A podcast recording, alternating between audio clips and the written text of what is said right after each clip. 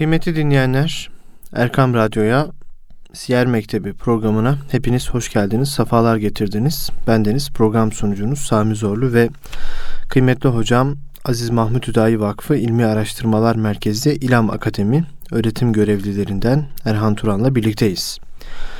Bu programda Peygamber Efendimiz sallallahu aleyhi ve sellemin hayatını anlamaya, anlatmaya çalışıyor. Onun güzel hayatından hayatımıza hisseler taşımaya gayret ediyoruz diyerek programımıza başlayalım.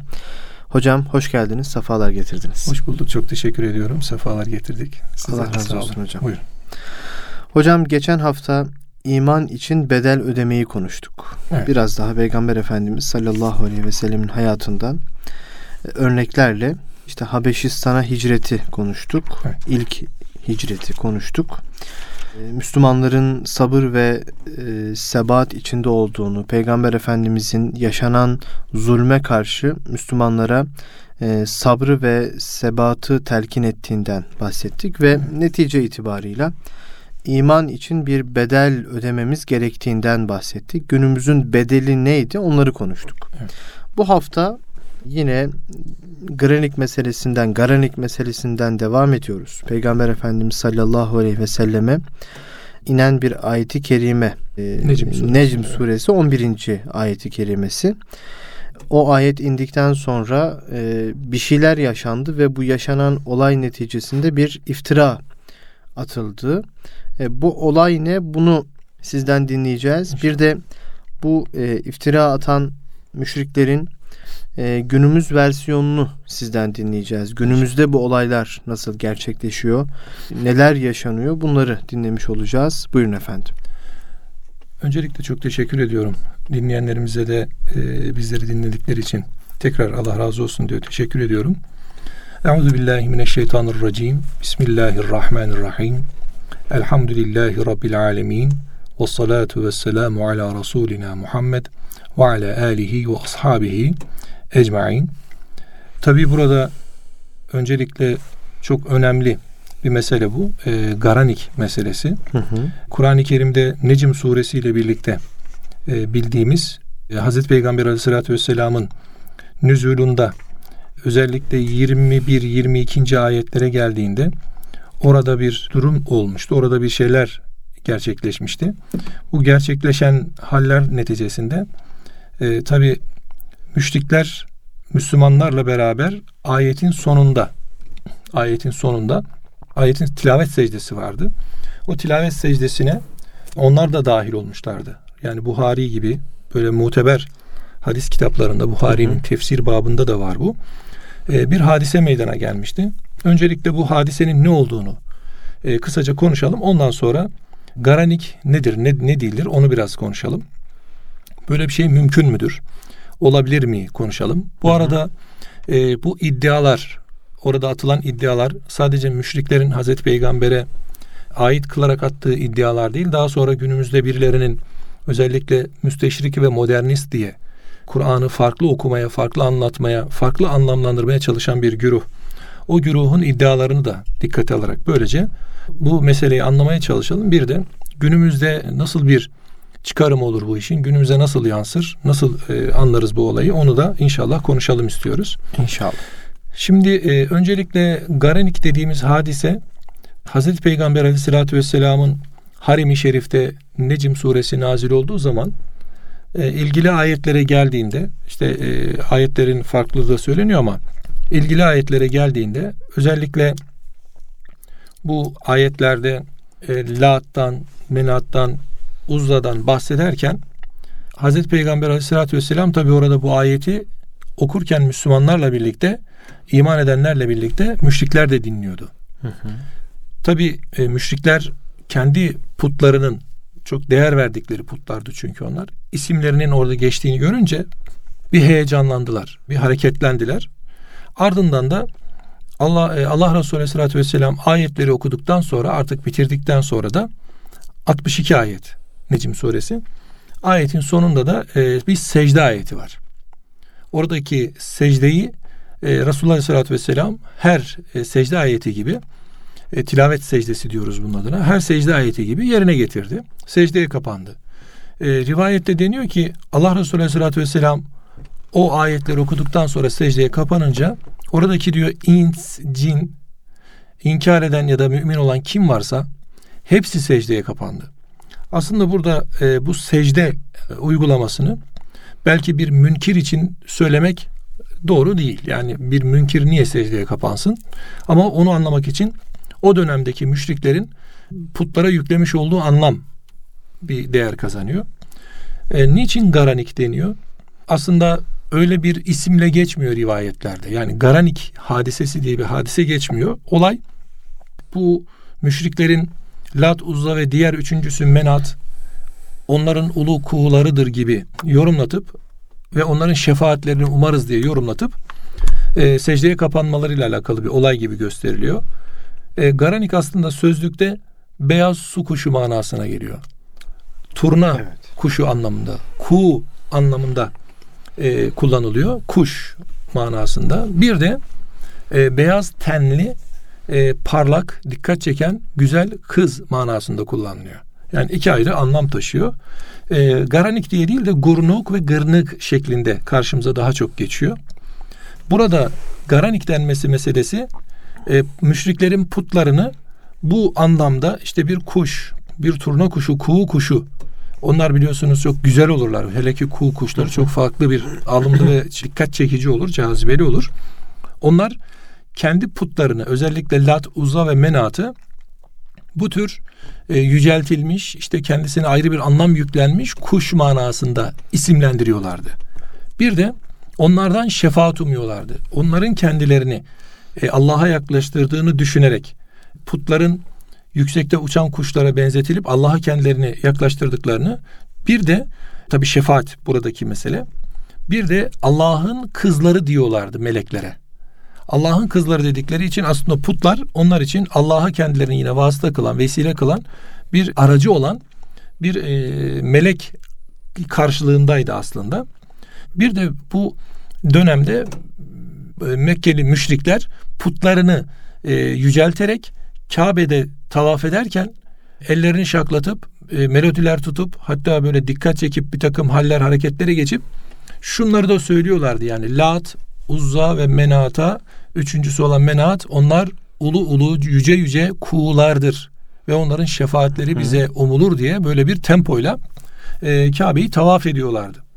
Şimdi Necim suresi tabi bu müşriklerin nazarında olay bu. Ku anlamında, kuş anlamında bir gırnık, gurnuk diye bilinen daha sonra kaynaklarda garanik diye geçen bir hadisenin adı aslında bu. İslam ve Müslümanlara geldiğimizde Hazreti Peygamber Necim suresini okurken biraz önce söylediğimiz gibi Necim suresinin sonundaki ayete geldiğinde tabi Necim suresinin 19, 19 e, ve 20. ayetlerinde özellikle e, Lat'tan, Menat'tan, Uzza'dan bahsedilir. Ama buradaki bahis onları met etmek değildir.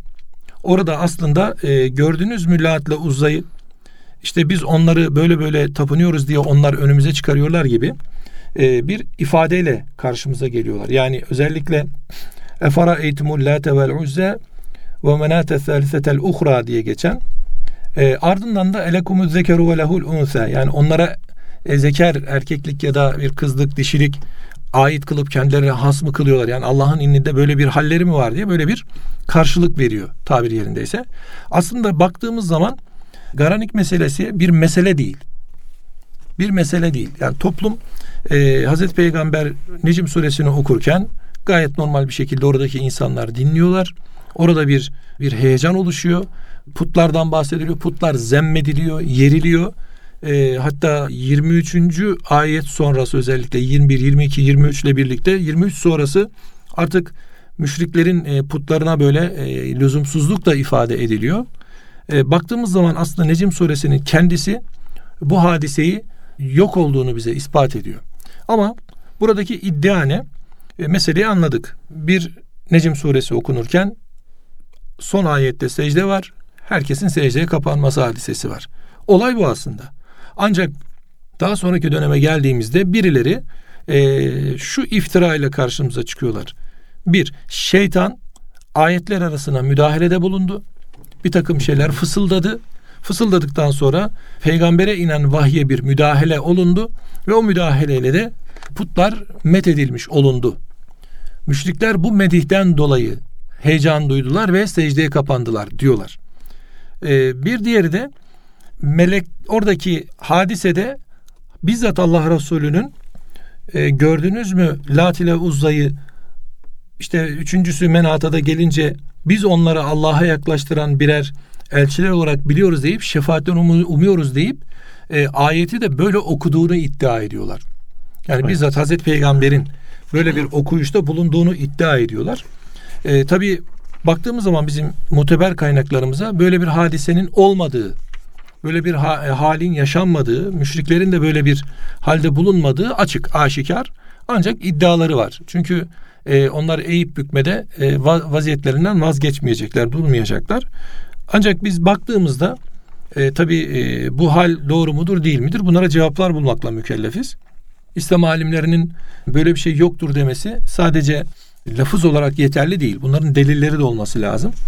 E, birincisi e, Garanik ifadesinin kendisi rivayetlerde zaten yoktur.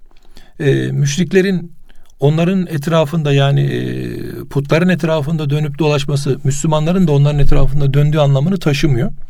Müslümanlar e, zaten iman şirk bir bütün olamaz. Yan yana durmaz zaten. İman varsa şirk yoktur. Hı hı. Şirk varsa iman yoktur. Evet.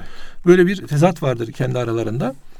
Bir de şeytanın ayetlere müdahale etme niyeti mesela Hac suresinde ikinci ayette ifade edilir aslında. Baktığımız zaman e, incelediğimiz zaman orada şeytanın böyle bir arzusundan bahsedilir. Ama Allahü Teala'nın bu müdahaleyi mümkün kılmadığını bize aynı zamanda ayetler yine söylüyor. O ayette söylüyor. Bu müsteşriklerin ya da günümüz modernistlerin ya da bazı modernistlerin iddia ettiği gibi şeytanın fısıldaması hadisesi olsa o zaman Kur'an'ın başka hangi ayetlerine fısıldanıldı iddiası ortaya çıkacak. Bir diğer mesele putların şefaatinin umulması hadisesi. Bunun kendisi şirktir zaten. Evet. E, Kur'an-ı Kerim baştan sona tevhid kitabıdır. Akide olarak tevhidi tutar. E, bunun dışında başka bir e, akideyi kendi yanına koymaz, koydurmaz da. Bu sebeple hatta Efendimiz Aleyhisselatü Vesselam'ın daha Necm suresinin başında Estaizu billah ve necmi izâ heva ma zalle sahibukum ve ma gava ve ma yantıku anil heva in huve illa vahyin yuha ayetleri zaten bu hadisenin kendisinin peygamberde sadır olmayacağını gösteriyor. Mesela ve necmi izâ heva burada bir yemin var. Yıldıza bir yemin var. Yıldızlara yemin olsun ki işte onlar e, battığı zaman, söndüğü zaman, kapandığı zaman. Sonra ma dalle sahibukum ve ma gava. Ma dalle sahibukum ve ma gava. Bir peygamberin yani pe orada sahip hukumdan kasıt Hazreti Peygamber aleyhissalatü vesselam. Yani aranızdaki dostunuz, arkadaşınız sapıtmadı, yanlışa düşmedi, hataya da girmedi. Yani ona herhangi bir yanılgı uğramadı. Bir yanılma oluşmadı. Evet. Ve ma bu demek aslında. Bu olay yaşanmadan aslında daha cevabını vermiş tabii, oluyor. Tabii Peygamber ki. Efendimiz yani, değil mi? Yani bu bu ayetleri sırayla okuyor değil mi Peygamber kesinlikle. Efendimiz burada? Daha tabii başında ki. söylüyor. Daha başta söylüyor. Ki Kur'an zaten Hazreti Peygamber'in ve ma yantiku anil havasını yani biz hı hı. onun heva hevesiyle konuşmadığını ancak in huve illa vahyin yuha vahiy ile konuştuğunu Kur'an'ın Necim suresinde iddiaya attıkları surenin üzerinden cevaplarını buluyoruz. Ya evet. Ma dalle sahibukum ve ma gava ve ma yantıku anil hava in huve illa vahyi yuha. Yani o ne sapıttı, ne hataya düştü, ne yanıldı. Yani ne ona bir müdahale, müdahil olunma hadisesi gerçekleşti ne peygamber kendi heva hevesiyle konuşacak bir kimse değildir. Çünkü o vahiy ile konuşacaktır. Din vahiy olarak onun önüne gelecektir. Burada tabi e, Necim suresinin kendisiyle birlikte e, bir de peygamberin ismet sıfatı var. Evet. Bu ismet sıfatı dediğimiz daha önceki derslerden hatırlayacağız. İsmet sıfatı dediğimiz Hazreti Peygamber'in güvenirliğidir, korunmuşluğudur. Ama o kendi üzerindeki o güvenilir korunmuşluk yani vahyin korunması, vahye güven olması hadisesi bir peygamberin nezdinde peygamberin şahsındadır. Yani peygamber korunmuştur. İsmet bu demek. İkincisi vahyin kendisi de korunmuştur. Evet. Vahye herhangi bir müdahalenin ya da vahiy nüzul esnasında herhangi bir dahlin olmadığının göstergesi e, bizzat budur. Ki ayeti kerimede o şeytan kullarını tek tek saptıracağım diye o ilk Hazreti Adem'in yaratılışında secde emri verildiğinde la uviyennehum diye çıkıyor. Ben onları saptıracağım diyor. Hataya düşüreceğim, yanlışa düşüreceğim dediğinde Ayetin sonunda illa ibadekel muhlasin var. Yani şeytan ihlaslı, samimi, kalbi çalışan, takvaya sığınmış olan kullarla mücadele edemiyor. Onlar onun rakibi olamıyor. Evet. Yani şeytan ihlaslı kullara müdahale edemiyor. Şimdi ihlaslı kullara müdahale edemeyen şeytan Allah'ın vahyine nasıl müdahale edecek? E, şeytanın müdahalesinde ne var? Karşısında insan var. E, insanın da sahip olduğu iki temel var. İmtihan olunduğu. Birisi akıl, diğeri nefis. Evet. Şimdi akıl ve nefis yani iradesini ve aklını kendisi kullanabildiği bir varlığa ihlaslı olduğu zaman, takva sahibi olduğu zaman şeytan müdahale edemiyor. Ama Kur'an'ın kendisine Allah tarafından korunduğu tescil olunmuş. İşte Hicr suresinde inna nahnu nezelne zikra ve inna lehu lehafizun. O Kur'an'ı, o vahiy biz indirdik.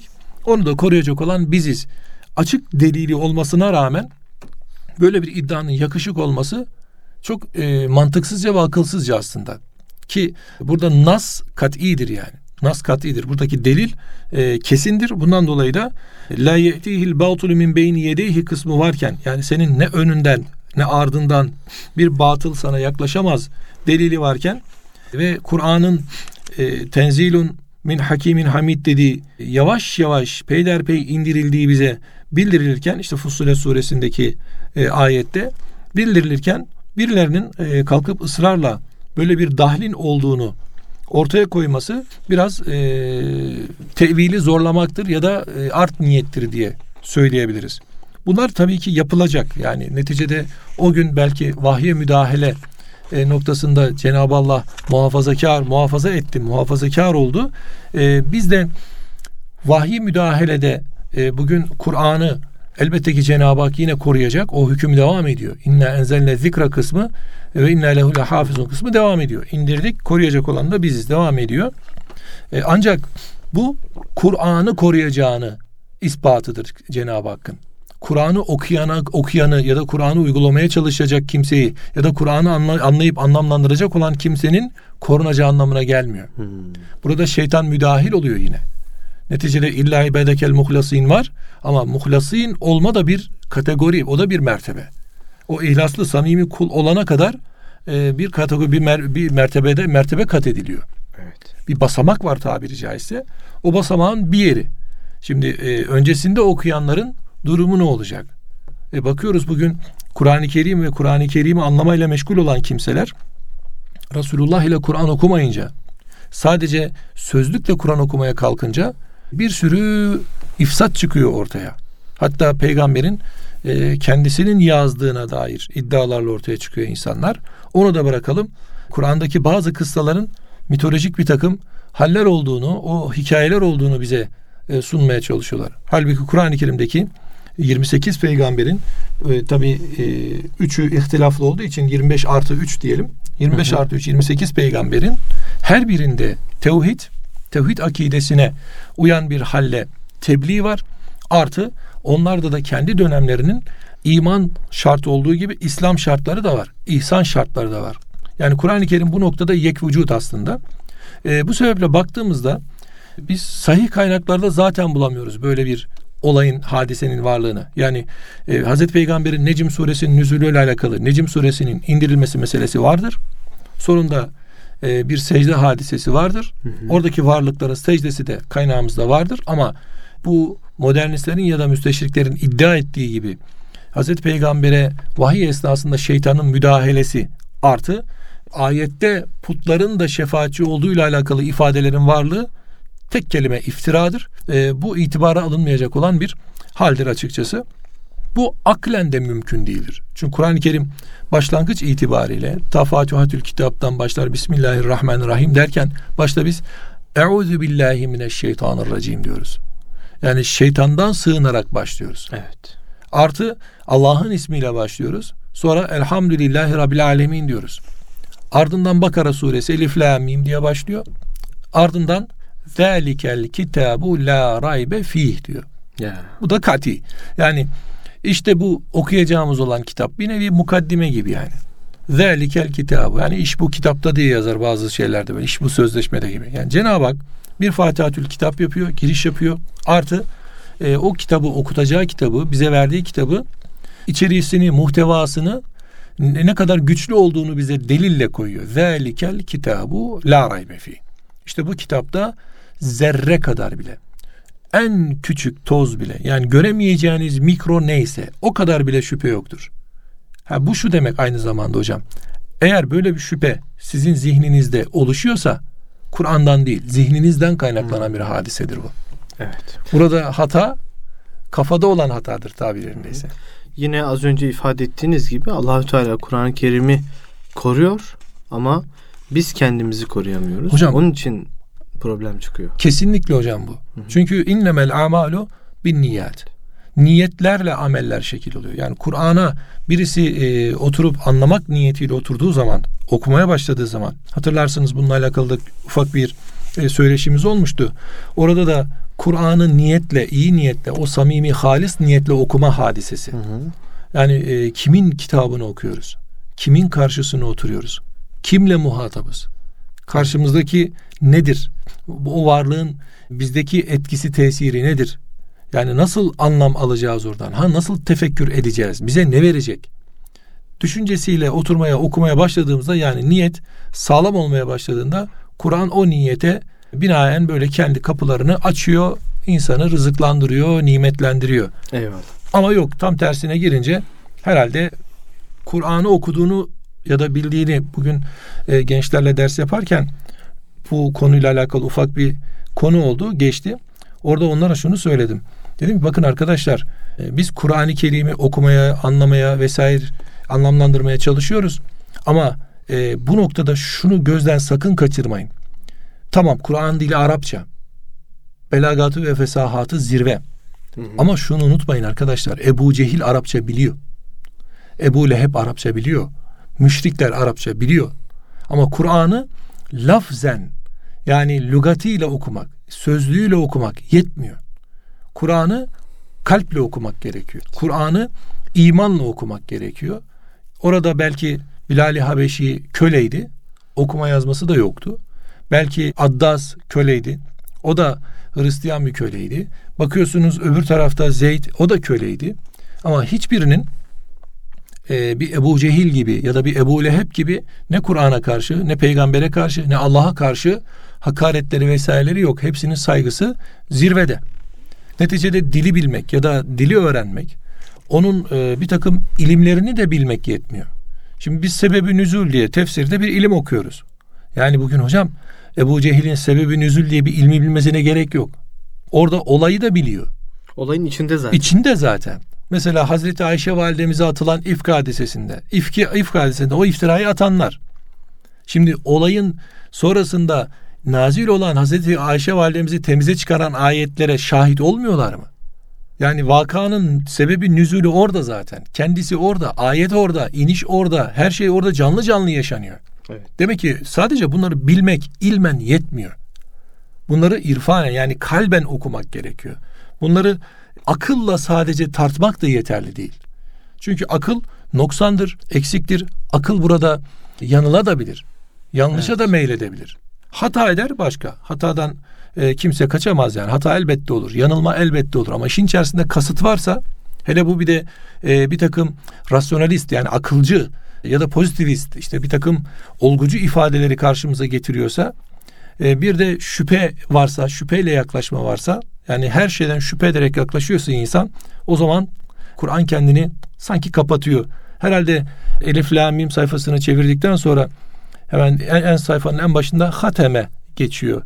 Yani o hateme sanki Kur'an'ın da Cenab-ı Hakk'ın oradan nimetlenmenin de sanki hıtamı gibi, oranın mührü gibi. Tabi ayetin devamı hatemallahu ala kulubihim ve ala sem'ihim. El nereler kapanacak hocam? İnsanın algı organları nerelere değer vermişti? Oralar kapanmaya başlıyor teker teker. En sonunda da e, mühürler vuruluyor. E, Cenab-ı Hak istemezse, nasip etmezse kendi talep edemez hale geliyor. Evet. Hocam burada biraz parantez açsak. Evet. Şunu sormak istiyorum. Şimdi bir hadise yaşanmış. Evet. Onu konuşuyoruz. E, Garanik meselesi. Evet. E, işte iftiralar atılmış. Bunun tabi e, böyle olmadığını delilleriyle birlikte açıkladık. Evet. Günümüzde de biraz bahsettiniz programın başında. Birileri evet. işte bana göre şöyledir, bana göre şöyle olmuştur, evet. bana göre şudur, budur e, gerek Peygamber Efendimiz'e gerekse Kur'an-ı Kerim'in ayetlerine kendilerinin eksikliğinden dolayı bir şeyler söylüyorlar. Evet. Bunu belirtmiş olalım. Şimdi biz tıpkı bu Garanik meselesi gibi e, bu söylenenlere karşı gardımızı nasıl alacağız? Bir Müslümanın evet. Sadece ilim adamı olarak değil yani bu işlerle uğraşan bir kişi olanların değil herkesin bir Müslümanın e, bu tür davranışlara karşı bu tür ithamlara karşı bir tavrı ne olacak? İki, bu tür davranışlara karşı e, kendisini, e, Müslümanlığını ve o atılan iftiralara karşı savunmasını nasıl yapacak? Ne yapmalı? Bir Müslümana düşen görev ne olmalı hocam? Bununla da bitirmiş olalım. Tabii hocam burası çok önemli. Zaten konumuzun da geldiği yerde orası aslında. Şimdi işin içerisinde din olunca, Kur'an olunca, e, iman olunca, itikad olunca burada e göre yoktur hocam. Yani birisinin işte falancaya göre, işte bana göre, işte Ahmet'e Mehmet'e göre diye bir tavrı olmaz. Burada Allahü Teala'nın bize verdiği, şimdi Cenab-ı Hak bize birebir de muhatap olarak sen diye hitap etmiyor. Ya da biz e, böyle bir muhatap değiliz bu noktada ama muhatap olandan istifadeyle biz bu işi halletmeye çalışacağız. Hı hı. Çok güzel bir yer orası hocam. Mesela sahabe efendilerimizden hiçbiri ayetler nazil olduktan sonra ya da Kur'an karşısına geldikten sonra ya Resulallah bana göre diye bir karşılık vermiyor. Evet. Yani sahabe orada gayba iman ediyor. Zaten Elif la mim diye başladığımız o sure e, ayet yani Bakara suresinin başında Hüdellil muttakin neledine yu'minune bil gayb diye geçiyor. Gayba iman etme. Burada bir e, yargı ifadesi var. Yani siz e, iman edeceksiniz ve imanınızı da e göre bağlamayacaksınız. Kur'an ve sünnetin bize isa, e, ifade ettiği, izafe ettiği neyse o ona göre aslında. Buradaki hesap Kur'an ve sünnet olacak. E, Tabi Müslümanın takınacağı tavır, burada alacağı gard bu tür iddialara karşı duracağı şekil, hal. E, birincisi şunu imanen kabul etmesi gerekiyor. Kur'an-ı Kerim Allah tarafından nazil olmuştur, indirilmiştir ve e, ayetler ve Kur'an'ın sahibi Allah'tır. Evet. Burada ikinci bir sahip aramayacak. O zaman Allah'ın kastettiği manayı tabi bizim tefsir alimlerimiz ne kadar güzel bir edebe sahipler. Okuduktan, anlamaya çalıştıktan sonra Allahu alem bir muradihi buyuruyor. Ya değil mi? Yani burada ben anlamaya çalıştım. Yukarıda size anladıklarımı da delilleriyle izah ve izafe etmeye, anlatmaya çalıştım. Olayı açıklamaya çalıştım. Ancak ben bu kadar anlayabildim doğruyu Allah bilir deyip yani edebiyle bir yerde durmasını biliyor. Şimdi ben tabii dinleyenlerimizi burada tenzih ederim. Ama bu, bu noktada Allah ve peygamberini yani e, Kur'an'ı anlamaya çalışırken edepli olmak lazım. Bu edebi kaçırmamak lazım. Çünkü Kur'an'ın sahibi biz değiliz. Hazreti Peygamber de değil. Kur'an'ın sahibi, ayetlerin sahibi Cenab-ı Hak'tır. Bu birincisi. İkincisi böyle bir müdahale ya da böyle bir yanlış düşüncelerin varlığı yaklaştırılmamalı bile. Biz ifadeye başlarken istiazeyle başlıyoruz dedik. Euzu billahi mineşşeytanirracim. Yani ben kötü niyetli değilim. O zaman e, o kötü niyetliliği ya da Kur'an-ı Kerim'in herhangi bir şekilde ayetlerine bir şeylerin olduğu ya da Kur'an-ı Kerim üzerine atılabilecek olan iftiraların olabilirliği diye bir ihtimal dahi insanın aklına getirilmemesi getirmemesi lazım. Bu sebeple mümin dediğimiz şahıs ferasetli olacak. Basiretli olacak. Yani vaka kendisine geldiği zaman oradaki feraseti ve basireti olayı kavrayabilecek. Yani onun güveni imanı tam olacak. Hani Hazreti Ebu Bekir Efendimiz'e söylenen gibi ya Ebu Bekir arkadaşın miraca çıktığını söylüyor ne diyorsun? O mu söyledi diyor soruyor önce. Bunu ondan mı duydunuz diyor. Evet diye cevap gelince o zaman diyor o söylüyorsa doğrudur. doğrudur. Yani bunun dahasını düşünmemek lazım. Elbette Acaba ki, mı dememek Tabii lazım. ki elbette ki hocam aklımızın ermediği, e, aklımızın almadığı bazı ayetler mutlaka olacaktır. Yani eminim sahabenin de vardır. Yani onlar da düşünmüşlerdir ya acaba burada ne kasıt olunuyor ki acaba diye. Her şeyi Resulullah Efendimiz Aleyhisselatü Vesselam'a sorabildiler mi mesela? Onların aklı çalışmıyor muydu yani? Onların kafası biz kadar olayı algılayamıyor muydu yani? Evet. Yani burada e, kişinin kendi durduğu yeri iyi görmesi gerekiyor. Sahabe efendilerimiz gerektiğinde şunu da beklemişler. Efendimiz Aleyhisselatü Vesselam tabi ayeti kerimede her şeyi sormayın var. Hadis-i şeriflerde de var. Çünkü e, yanlış hatırlamıyorsam fe innema ehlekellezine men kana qablekum kesratu mesailihim ve ihtilafum ala enbiyaihim gibi buyuruluyor. Hadis-i şerif bu. Efendimiz Aleyhisselatü Vesselam çok soru sordu sizden öncekiler diyor. Evet. Çok soru sordukları için onlar helak oldular diyor. Niye? Çünkü peygamberlerin bildirmiş olduklarını yerine getirmeye güç yetiremiyorlar. Hani e, şeyde var ya Bakara suresinde e, bir inek kesin. Nasıl olsun? Şöyle olsun. E başka nasıl olsun? Şöyle olsun. Başka halbuki emir verildi bir inek kesin. Kes ineği kurtul. Yani emri yerine getir. Evet. Ama onlar o mu olsun, bu mu olsun, o mu olsun, bu mu olsun diye soru sormaya başlayınca en son bulamayacakları bir tarifte inek kesilmesi emrediliyor sarı olacak, koşuma gitmeyecek, genç olacak, e, farudun vela bikir yani e, bir hale girmemiş olacak.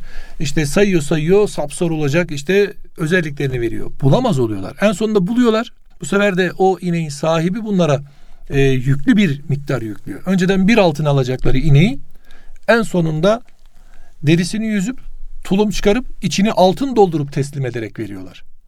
Yani onlar bu tür sorularıyla Allah'ın peygamberlerini zora koşacaklarını zannediyorlar. İşte bizim günümüzde e, bu aklı evvellerin yaptığı da bu. Yapmış olduklarıyla sanki Kur'an'ı böyle çaresiz bırakacak, peygamberi çaresiz bırakacaklarını zannediyorlar. Ama kendileri aciz olarak. Acizler zaten. Acizle kalıyorlar. E, tabii o gün müdahale etmek isteyenler olmuştu. Elbette ki Ebu Cehil de bazı şeylerin, Ebu Leheb de, Velid bin Mugire de ve etrafı da bazı ayetlerin değişmesini çok murat etmiş istemişlerdi. Onlar da rahatsız olmuşlardı birçok ayetten. Ancak böyle bir e, sonuç elde edemediler. E, günümüzde de karşımıza çıktığında e, ayetleri manen saptırıp işte bir sözlük kullanıp ya da bildiği Arapçayla e, manasını maksadından uzaklaştırmaya çalışıp sağa sola eğirmeye bükmeye çalışan e, kendi havalarıyla ve kendi beklentileriyle ayetleri başka yerlere çekmeye çalışan insanlar yok mu? Bir sürü. E, burada ne yapacak? Dedik ya başta e, mümin uyanık olacak. Ferasetli ve basiretli olacak. Çünkü e, şeytan da hareket halinde, şeytanlaşmış insanlar da hareket halinde. Nasıl ki e, bitmedi bitmeyecek. Ve özellikle bu Kur'an ve sünnetle ilgili olan meselelerde e, sözlükten, lügatten ya da sadece bildiği Arapçadan e, istifade edip olayı çözmeye çalışmayacak. Bir ehlinin dizinin dibine çökecek. Usul öğrenecek. Tabii ki. Hoca efendinin dibinin dizine çökecek. Diyecek ki efendim ben bu ayeti böyle anladım. Nasıldır diyecek. Çünkü Kur'an-ı Kerim'de bir tane ayet yok. Biz Kur'an-ı Kerim'de bir eksikliğin, oraya olan bir müdahalenin ya da birisinin elinden çıktığının düşüncesini niçin iddia edeceğiz? Çünkü aklımız almayacak, aklımız ermeyecek. Ama bir hoca efendi ile birlikte bir rahle-i tedris ile oturup adabına uygun bir şekilde bir usul ile e, bu işi yerine getirdiğimizde, öğrenmeye çalıştığımızda, ehline sormaya çalıştığımızda bu olayın cevabı ortaya çıkacak. Ama evet. bizlerde şöyle bir hadise var. Bazı insanlar var biz kalplerindeki tabi niyeti okuyamadığımız için ancak ağızları tumturaklı laf yapıyor. Böyle e, dolu dolu konuşuyorlar e, ve insanları ikna edercesine konuşuyorlar. İnsanların bilmediklerini bilerek o yönleriyle konuşuyorlar. Biraz da onların beklentilerini de konuşmaya başlayınca dikkat de çekiyorlar. Yani tribünleri de var. Tribünlerinden tezahüratlar da alıyorlar. Büyük destekler de görüyorlar. Ee, ve itibar da hatta bunlar kitap da yazıyor, tefsir de yazıyor. Ya maalesef. Ve piyasada e, bunlar leblebi çekirdek gibi de satıyor. Herkesin evinde satır satır bulunuyor. Bakıyorsunuz cilt cilt hep kitaplarından var. Benim böyle bir yaşadığım hadise var e, bir tefsir sahibinin birisi, o tefsir sahibi dedim yani kendi yorumu, tefsir demeyelim ona çünkü oraya da hakaret olmasın. E, tefsir yaptığını söyleyen birisinin kitabında Efendimiz Aleyhisselatü Vesselam'a bariz hakaret var. Açık açık yani orada e, kibirli adam yazmış. Yani Peygamberimize Abese suresini yazarken. Şimdi biz bu insanın tefsirini nasıl tutacağız evimizde? Ya. Numune olsun, örnek kalsın, birilerine göstermek için tamam tutuyorsunuz ama ilim adamıysanız bunu yapacaksınız. E yoksa o adam hocam cilt cilt o tefsirleri iade etmek lazım. Sen benim peygamberime nasıl böyle bir e, ifadede bulunursun diye götürüp kapısına bırakmak lazım. Parası da senin olsun demek lazım. Kapısına şöyle hocam bir 50-100 cilt yani 50-100 takım dizilse o adam bir daha bunu yapmaz. Evet. Ama bakıyorsunuz bu insanlar tarafta buluyor, taraftarlıkta buluyor, e, destek de alıyor, başka şeyler de yapıyor. Ondan sonra tabii ki ağızları da torba değil, büzemiyorsunuz hocam. Eyvallah. Her geleni konuşuyorlar. Muteber kitaplarımız var. Onlara itibar etsinler. Her e, yazılanı değil, er yazılanı okusunlar. Eyvallah. Güzel yazılanı, kalpten yazılanı, imanla yazılanı okusunlar. Eyvallah. İsmail Lütfü Şakan Hoca buradan selamlarımızı iletelim.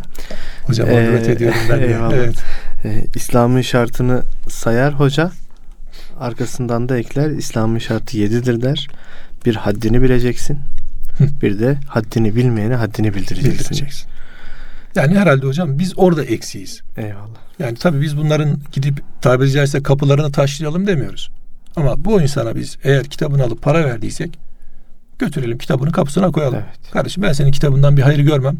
Sen böyle bir edepteysen benden uzak dur deyip onun kapısına o kitabı koyduğun zaman o adam kendini yola getirir mutlaka. Eyvallah. Çünkü onun kaynağı o gelir o başka bir şey değil. Onu onun için yapıyor çünkü. İtibar edildiği için yapıyor. İtibar ediliyor. İtibarın elinden alırsan hocam olay düzeliyor yoluna girer yani. Eyvallah.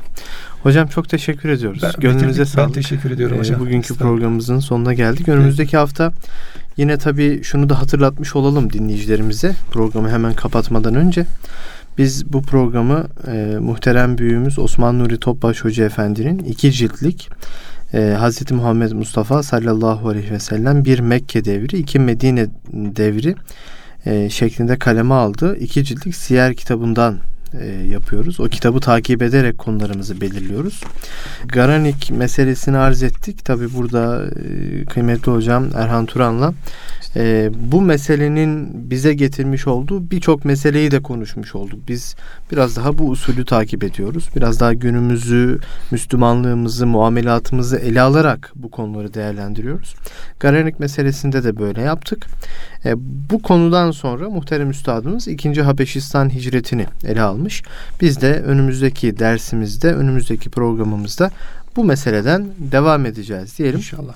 Şimdilik Allah'a emanet olun. Kulağınız bizde olsun. Hoşçakalın efendim.